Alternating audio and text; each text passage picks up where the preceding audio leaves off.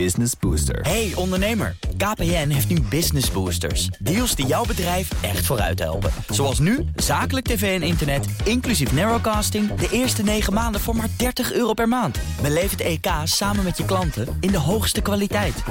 Kijk op kpn.com slash businessbooster. Business Booster. BNR Beurs wordt mede mogelijk gemaakt door Bridge Fund. Beleggen bij Bridge Fund brengt Nederlandse ondernemers in beweging.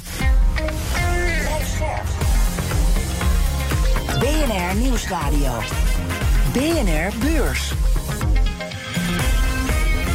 Wesley Weert. Heel fijn dat je de week weer met ons eh, wil beginnen. Welkom. En je week start extra goed, want Han Diepering, CIO bij Aureus, is hier. Mijn gast vandaag. Han, welkom. Dankjewel. De week begint op maandag en dat is het nu maandag 19 februari. De dag dat ArcelorMittal het aan de stok kreeg met de Italiaanse regering. Die wil de grootste staalfabriek van het land, en die is grotendeels van de staalgigant, onder speciaal bestuur plaatsen. ArcelorMittal die kocht eh, de fabriek jaren terug en wilde die saneren en weer winstgevend maken. Maar de regering die zat destijds al tegen. Er werd veel gesoebat tussen de twee. Toen is er een overeenkomst gesloten met de staat als minderheidsaandeelhouder. En ook daarna was het eigenlijk alleen maar touwtrekken. En nu zegt Italië dus dat ze alsnog de leiding gaan nemen met zo'n speciaal bestuur. Omdat de fabriek een essentieel nationaal goed zou zijn. Ja, ArcelorMittal protesteert tegen dat nieuwe bestuur. En beleggers protesteren daar dan weer tegen. Het aandeel eindigde 3% in het rood. En is daarmee de hardste daler in de AX. En die AX die sloot sowieso in de min. 0,3% gaat er vanaf. En de slotstand is 855 punten en een beetje. We gaan het zo hebben over de Magnificent Seven. Die bestaat nu nog uit zeven techbedrijven, maar kan binnenkort mogelijk zijn naam veranderen naar Magnificent Eight. Er is een achtste lid op komst en dat is voor de verandering een keer geen techbedrijf. Je hoort er zo alles over. Maar eerst gaan Han en ik naar het uh, andere belangrijke nieuws. Om te beginnen met een boete van een half miljard euro voor Apple. Apple krijgt die boete na een klacht van Spotify. En het gaat om een zaak die al sinds 2019 speelt. En die zaak die draait om machtsmisbruik, schrijft de Financial Times. Want Apple verplicht appmakers om gebruik te maken van zijn eigen betalingssysteem. En als een gebruiker dan aankopen doet, dan loopt dat dus via dat systeem van Apple. En daarvoor brengt het kosten in rekening. Apple vangt 30 op elke transactie die via de Apple Store gaat. Dus elke keer als jij met je iPhone pakt en je downloadt een app op mijn part, waar je misschien voor betaalt. Misschien kost zo'n app 2 euro, mijn part 30% 70 cent gaat dat dus voor naar Apple. Dat levert natuurlijk miljarden op en dat is een beetje zuur voor uh, de bedrijven die uh, van die verkoop van apps bijvoorbeeld afhankelijk zijn. En een van die bedrijven die daarvan afhankelijk is, is dus Spotify. Nou, die had geen zin in al die commissies en dus wilde het abonnementen buiten de App Store aanbieden om zo die commissies te ontlopen. Maar omdat Apple dat tegenhield, stapte Spotify naar de Europese Commissie. Dat was in 2019. En die geeft Spotify nu gelijk. Brussel bestempelt de actie van Apple als illegaal en legt binnenkort dus die boete van een half miljard euro op, meldt de Financial Times. Maar haalt het wat uit, Han? Of heeft Apple in feite de luxe om te kunnen doen wat ze willen? Want die boete die komt eigenlijk pas na het moment waarop ze al miljarden hebben verdiend. Ja, dat klopt. Maar de, de App Store bestaat nog steeds. En nog steeds is het een verdienmodel voor Apple. Ja. Het is wel een duidelijke groeier in de afgelopen jaren met relatief hoge marges, zoals je wel hoort. Um, ja, dus het is wel een probleem. Ook omdat natuurlijk dit een voorbode kan zijn voor andere mensen die gaan klagen. Dus het is ook in Amerika wel een discussiepunt. Eigenlijk is het gewoon, ja, zij zeggen, Apple zegt het is de eigen App Store. Wij zorgen de techniek, wij zorgen ervoor dat alles eh, goed draait, dat er geen rare dingen op het platform komen. Mhm. En we houden ervan dat alles in eigen beheer te houden. Dus Ja. eh, anders ga je toch naar de Google, Google App Store of een andere App Store. Hey, eh, helaas, is nu dat tegen Apple. En het zat wel een beetje aan te komen, ook bij andere grote techbedrijven. Dat er dus wat keer uh, wind tegenkwam. Maar op het totaal is het natuurlijk niet, eh, niet heel groot. Maar eh, het is wel een tegenvaller. Ook voor de toekomst dus. En Apple zegt ook, nou weet je wat, wij hebben Spotify ook groot gemaakt door die App Store. Dus die commissies zijn op zijn plek. Maar de rechter is het daar dus niet mee eens. Eh, Dan naar BYD, want dat koopt BYD, de Chinese bouwer van elektrische auto's, gaat namelijk eigen aandelen inkopen. BYD plakte er nog geen bedrag op, meldt Bloomberg, maar de timing is niet toevallig, want het aandeel stond eerder deze maand nog op het laagste punt in meer dan een jaar tijd. BYD begint die prijzenoorlog ook te voelen, natuurlijk gestart door Tesla. BYD doet vrolijk mee, maar dat kostte wel winst, een deel van de winst. En behalve een aandeleninkoop is het bedrijf ook van plan om meer premium modellen te lanceren. En op die duurdere modellen ja, zitten dan vaak ook hogere marges en dat komt die winst dan weer ten goede.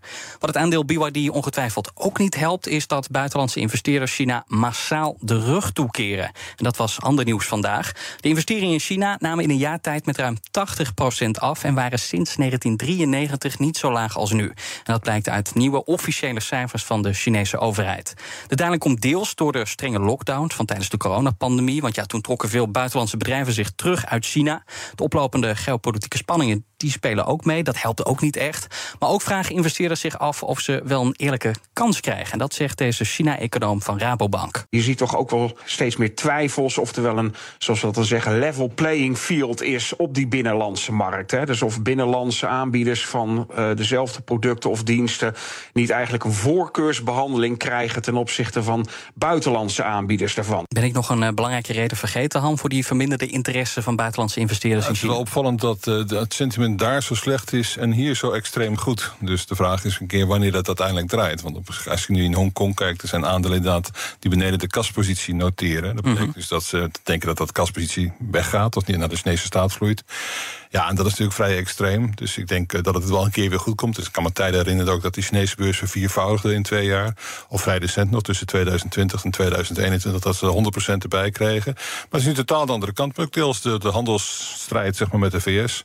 Dat is natuurlijk ook een belangrijke reden. En wat je natuurlijk met angst en beven ook aanhoort, wat je misschien vergeten bent, is dat Trump misschien herverkozen wordt. Ja, nee, die, die geopolitieke spanningen. Ja, nou ja, met die, met die tarievenorde die natuurlijk uh, gaat vergroten. Dat kan ja. natuurlijk wel een behoorlijke impact hebben.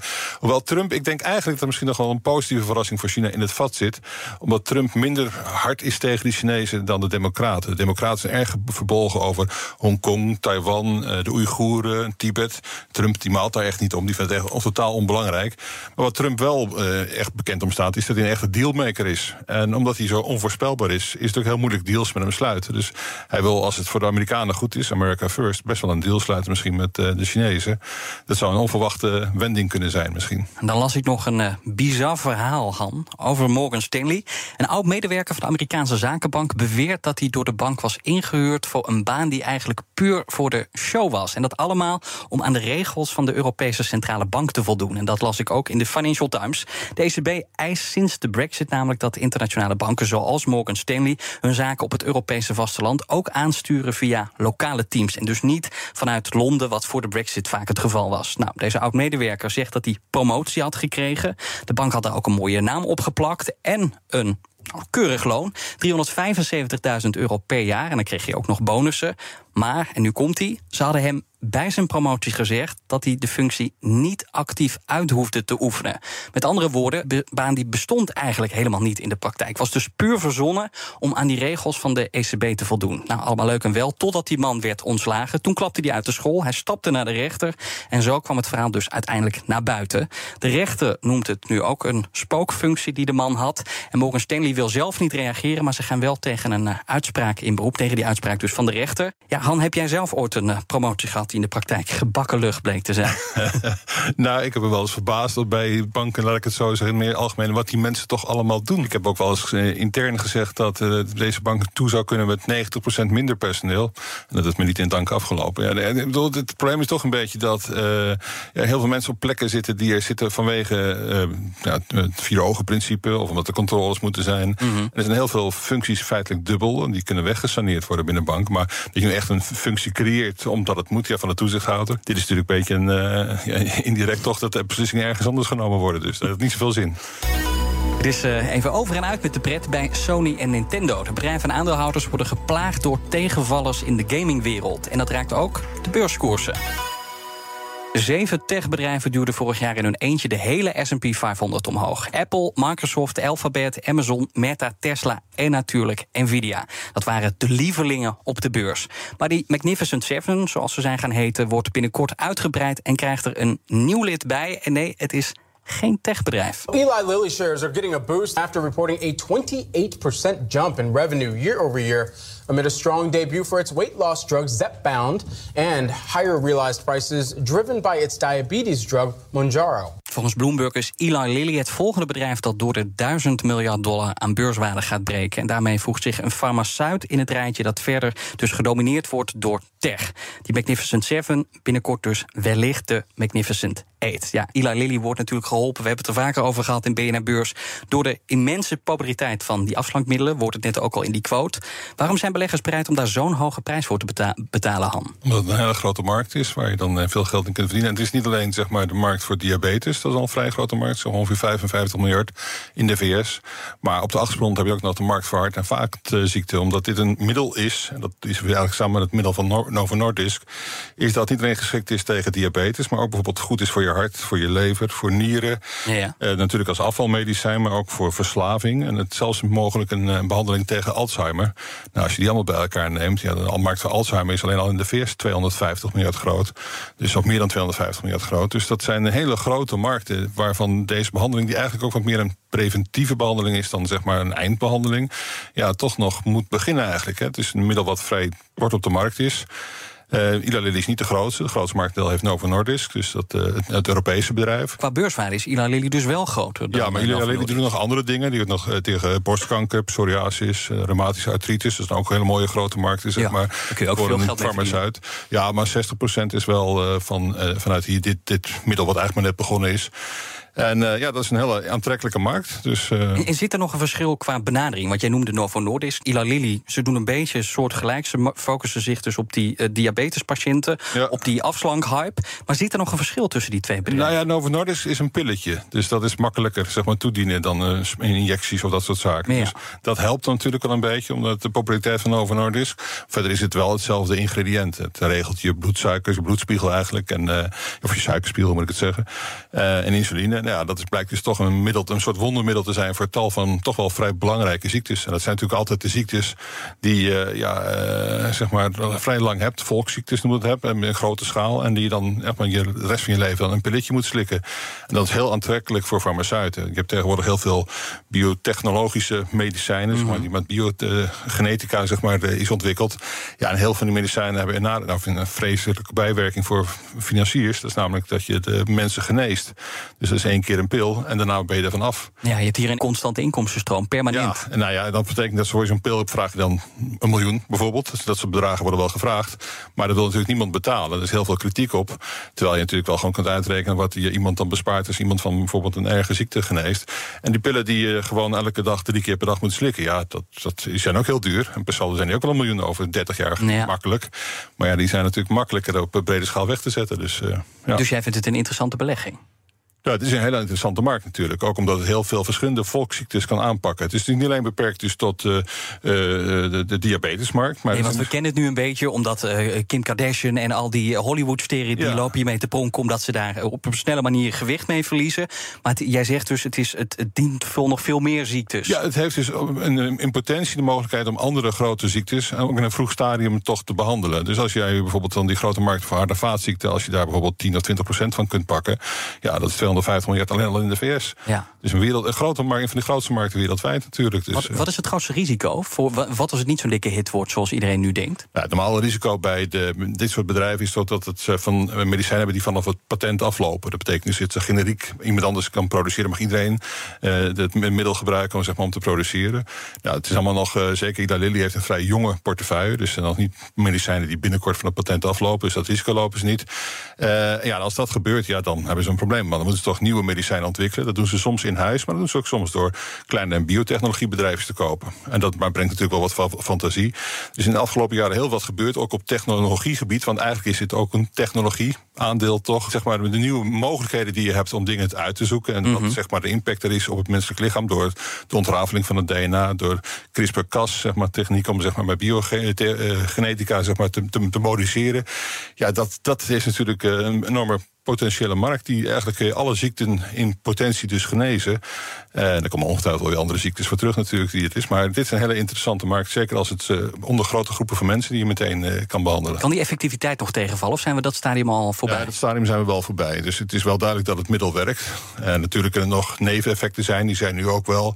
Zoals diarree en braken. Maar ja. ik weet ook nog dat Pfizer een keer een uh, medicijn had wat niet zo goed werkt. Maar dat was neveneffect dat het je er aan dood kon gaan. Dus dat was een minder gunstig bijwerking. Bijwerking. Maar ja, goed, de, de, de populariteit is net een beetje als met Viagra. Dat was natuurlijk ook eh, van Pfizer toen erg populair. Dat was eigenlijk een medicijn was dat daarvoor niet Mhm. bedoeld was. Maar dus bij deze ja, veel positieve bijwerkingen, mo- potentieel grote markten. En de bereidheid om te betalen nog? Kan het, in Amerika betalen ze wel voor dit soort medicijnen. Maar in Europa zijn we toch wat strenger. Letten we meer op eh, hoeveel kost zo'n medicijn. kan dat nog goed in het Als het eh, over evenwicht afvallen gaat, denk ik dat de meeste mensen nog liever een pilletje nemen dan dat ze naar de sportschool gaan. Dus Maar verzekeraars moeten dat bijvoorbeeld ook willen. Daarvoor willen betalen. Voor die Ja, medicijnen. en het opnemen in de zorgverzekering. Dat is net als met Viagra. Dat krijg je ook niet via de verzekeraar. Dat was toch gewoon dat het gewoon op de nou ja, zwarte of grijze markt eh, werd gekocht. Dus ik sluit niet uit dat hier ook nog een, eh, zeg maar, een grijze markt eh, in zit. Dus buiten de verzekeraars om. Ik weet niet of dat verstandig is overigens. Gelet op misschien andere bijwerkingen die je hebt die je niet kan voorzien. Ik zou toch liefst altijd mijn arts raadplegen op dat gebied. Maar nee, het is een hele interessante markt. En het is ook een medicijn wat eigenlijk ook de bron van het probleem.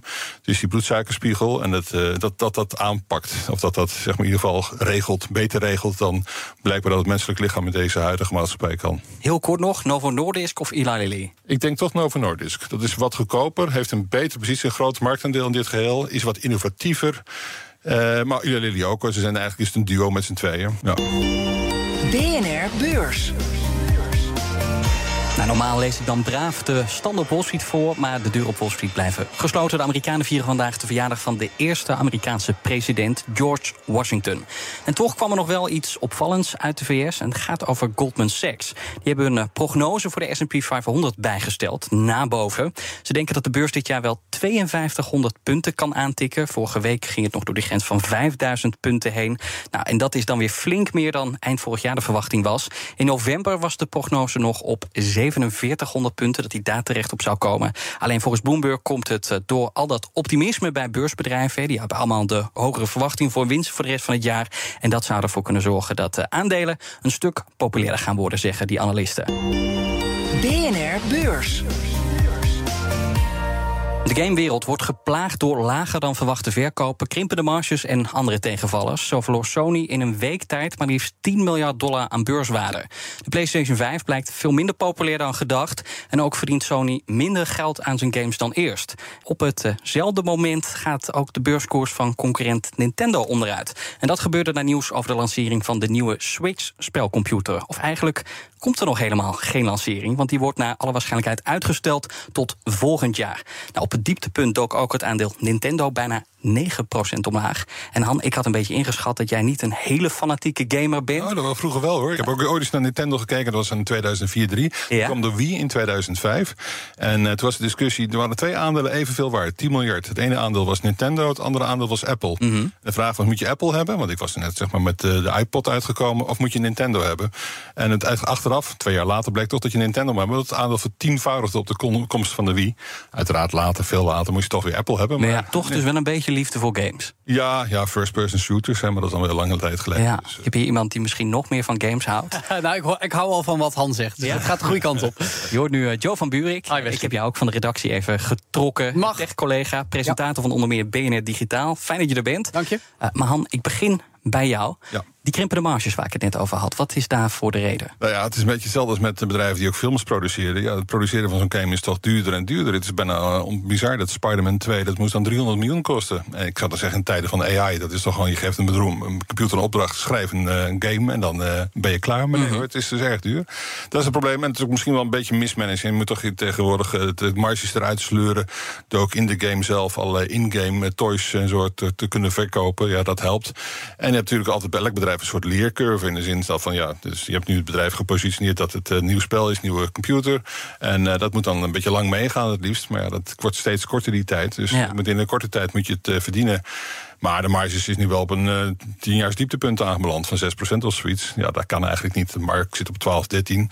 En eigenlijk moet je met een goede game moet je toch wel richting de 20% kunnen gaan. Dus uh, dit is een hele interessante markt. Want het is een hele grote markt ook. Veel groter dan iedereen denkt. Hè. Dus veel groter Mhm. dan films bijvoorbeeld. En 20% moet haalbaar zijn. Maar dat is ook deels executie. En dan dat... moet je dus ook verkopen wat jij zegt. En we Mm. zien nu juist dat die PlayStation, dat die verkopen daar toch fors achterblijven uh, bij de verwachtingen. Mm. Is dat uh, Sony eigen of is dat een beetje wat je in de hele markt ziet, Joe? Nou, ik denk dat we zitten, we zitten met een soort. Ja, uh, het plafond is bereikt, zou je kunnen zeggen. Ik bedoel, Nintendo heeft wel kunnen vieren dat ze nu 139 miljoen Nintendo Switches hebben verkocht in zeven jaar tijd. Dat is gewoon heel netjes, want het record staat nog steeds. De Wii werd net genoemd, 155 miljoen stuks. Ja. Nou, met de Sony PlayStation 5 zitten ze nog niet eens aan de helft daarvan. Nog lang niet eigenlijk. Maar ja, de- dan, dan wil je eerst eigenlijk weer op die 130 miljoen komen. Want dan zit je op het niveau van de, de, de vorige spelcomputergeneratie. En dan is de truc om zoveel mogelijk games, de software te verkopen. En dat is inderdaad wat Han net zei. Tegenwoordig ook met microtransacties. Voor extra skins in Fortnite en extra extra's. eh, Weet je, allemaal manieren om die marges te proberen te verhogen. Je moet overal voor betalen. Je moet overal voor eh, Maar het punt is, ehm, er is zoveel. En ik noemde net Fortnite en heb je nog Roblox. Dat zijn eigenlijk een soort ja, platform eh, games. Of games als een platform. Waarop gamers gewoon heel veel tijd en dus ook heel veel geld spenderen. En dus minder mogelijkheden voor een Sony, voor een Nintendo en ook voor een Microsoft met hun Xbox. Die hadden ook nieuws vorige week. Dat het eigenlijk allemaal niet zo heel goed gaat. ehm, om games te verkopen en daar de winsten mee te pakken. Want het maken van die hardware is eigenlijk vaak verlieslatend. En dan ga je dat compenseren met software. Maar ja, als een gros van de gamers Fortnite of een Roblox speelt, is het heel moeilijk om ze nog te krijgen met die games die je maakt. Ja, dus eigenlijk zijn die spellen zo succesvol dat ze geen andere Nou ja, games in meer spelen. die twee specifieke spellen. En inderdaad, het voorbeeld van Spider-Man. Het kost meer dan 200 miljoen om alleen al te maken. Dan heb je nog niet eens over de marketing. Nou, dan ga je inderdaad richting de 300 miljoen. En dan moet je nog zien dat je hem verkoopt. Nou, dat is dan toevallig een succes geworden. Maar dat is de risicovolle strategie van Sony. Waarbij ze nu ook nog hebben moeten zeggen... ja, voor de komende 12 maanden hebben we eigenlijk niet games zoals Spider-Man eh, op de planning staan. Dus ja, het gaat waarschijnlijk wat minder hard met de verkopen de komende tijd. En je moet het dus van die games hebben, zegt Joe. Want ja, je, in eerste instantie verkoop je dus die spelcomputers met verlies. Alleen je ziet nu ook dat die Switch bijvoorbeeld... die is al zeven jaar oud. Melk is dat niet een beetje te lang uit dan? Nou, ja, je moet wel regelmatig vernieuwen. Maar als het een succes is, dan melk het dan vooral lang uit, zou ik Ja, zeggen. maar Dat zeven jaar, dat is toch een eeuwigheid in de techwereld. Ja, maar goed, eh, het voordeel van Nintendo is er ook eh, games die ook al heel oud zijn, maar die het ook nog heel succesvol doen. Hoor. Dus die nog steeds eh, zeg maar heel populair zijn. Ook al zijn ze in de jaren 80 misschien pas on- begonnen. Ja. Dus dat is eigenlijk wel de kracht. Dus een portefeuille aan games die ook een historie hebben, die voor sommige mensen ook zeg maar, aantrekkelijk zijn om nog een keer te spelen, die, die is wel vrij groot. Dus Nintendo is echt wel een, een, een blijvertje in de. Het is een beetje een ander gamebedrijf dan anders. Ook door zeg maar eerst met de Wii en nu met dit soort eh, Switch-dingen toch al nee, dingen toe te voegen. Ja. Dus ik vind het wel creatief. Ik vond het ook wel dat het iets wat beloond mag worden, maar ook wel door kopers beloond wordt. Ik denk niet dat het zo slecht is. Alleen ja, dat verhaal dat hij nu weer een, een wat later komt. Ja, hij komt dan dit jaar. Maar het bank, een boekjaar zeg maar, bij Nintendo die loopt tot 31 maart. Dus dan kan hij in het eerste kwartaal komen. Maar dat is dan net na de kerst. En dat vind je natuurlijk niet leuk. Want dan, tijdens de kerst geeft je natuurlijk die Switch. Zeker, ja. Dat moet natuurlijk komen. Maar ik weet niet of het waar is. Nintendo heeft het niet bevestigd. Het was, kwam van een Braziliaanse journalist. Ik zeg niet voor niks Braziliaans. Dat komt ook wel andere dingen die altijd niet kloppen. Dus het is niet geverifieerd. Dus eh, sources say, dat is een beetje... Dat, eh, nou, dat weet je als journalist natuurlijk beter. Dat is nog niet al 100% geverifieerd bij Nintendo zelf. Joe, kort kan ik eh, zeggen dat het kwakkelt in die gamewereld? Nou, dit, dit is wel een kritiek moment aangebroken... dat het kijken is wie heeft de beste lange termijn strategie. Ja. Waarbij ik me aanslaat bij Han. Nintendo heeft uit zijn eigen spel, letterlijk en figuurlijk... dat speelt wel door. Sony Microsoft wordt spannender. Ja. En hoe gaan we er eruit komen? Nog heel kort, dan Hoe gaan we eruit komen uit dat dalletje? Eh, er wordt meer gegamed dan ooit, denk ik. Alleen de vraag is natuurlijk wie de grote winnaar is uiteindelijk. Ik denk dat Microsoft wel goede kansen heeft, hoor. Als er ook AI in games kan worden toegepast, bijvoorbeeld. Eh, Die combinatie lijkt me wel, zie ik wel zitten. Microsoft eh, in de gaten houden dus. Doen we ook als het gaat om eten, klussen en shoppen. Want dat staat morgen centraal. En collega Maxime van Mil stroomt je er alvast voor klaar. Walmart komt met cijfers over het laatste kwartaal van afgelopen jaar. En de verwachtingen, die zijn goed. De retailgigant heeft een aantal goede kwartalen achter de rug... door hogere inkomsten uit de verkoop van boodschappen en benzine. Toch wordt het een klein beetje afzien... want het wordt lastig om het resultaat van vorig jaar te evenaren. Doe-het-zelfketen Home Depot zag vorig jaar de resultaten teruglopen. Ook van hen krijgen we cijfers. Na corona was iedereen een beetje uitgeklust... en de verslechterde huizenmarkt, gestegen rentetarieven... en hoge inflatie hielpen niet mee. Dat leverde een tegenvallende winst op in het derde kwartaal... en zal nu waarschijnlijk ook nog terug te zien zijn. En Carrefour doet ook nog een duit in het zakje qua jaarcijfers. De Franse supermarktketen heeft te maken met hoge prijzen... en klanten willen daar niet voor betalen. De supermarkt is wel bezig die prijzen weer omlaag te krijgen... aan de onderhandelingstafel met PepsiCo. Maar dat levert ze voorlopig alleen lege schappen op. Dit was de BNR-beurs van maandag 19 februari. In deze uitzending draaide om dingen waar je verslaafd aan kunt raken. Eten en gamen. Eten doen veel mensen. Ik zie Joe van E knikken, maar we gaan toch zo afsluiten, Joe. Eten doen veel mensen nog altijd veel te veel. Gevolg is dat veel mensen veel te dik zijn. Eli Lilly denkt dat probleem te hebben opgelost. Beleggers geloven dat ook. En daardoor weegt het aandeel Eli Lilly ook steeds meer. En het kan zelfs door de 1000 miljard heen breken. 1000 miljard dollar aan beurswaarde. En we bespraken of beleggers en gamers zijn afgekikt van hun videospelletjes. En dat antwoord is nee. En wij kunnen er ook geen genoeg van krijgen. Van Han Dieperink, CIO van Aureus. Ook een soort verslaving. Dankjewel dat je er was. Dank. En Jo van Buurik, dankjewel dat je ook aanschouwt. Graag gedaan. Jij bedankt voor het luisteren. Fijne avond en morgen zijn we er weer. Hopelijk jij ook. Tot dan. BNR Beurs wordt mede mogelijk gemaakt door Bridge Fund. Beleggen bij Bridge Fund brengt Nederlandse ondernemers in beweging. Business Booster. Hey ondernemer, KPN heeft nu Business Boosters. Deals die jouw bedrijf echt vooruit helpen. Zoals nu, zakelijk tv en internet, inclusief narrowcasting... de eerste 9 maanden voor maar 30 euro per maand. Beleef het EK samen met je klanten in de hoogste kwaliteit. Kijk op kpn.com businessbooster. Business Booster.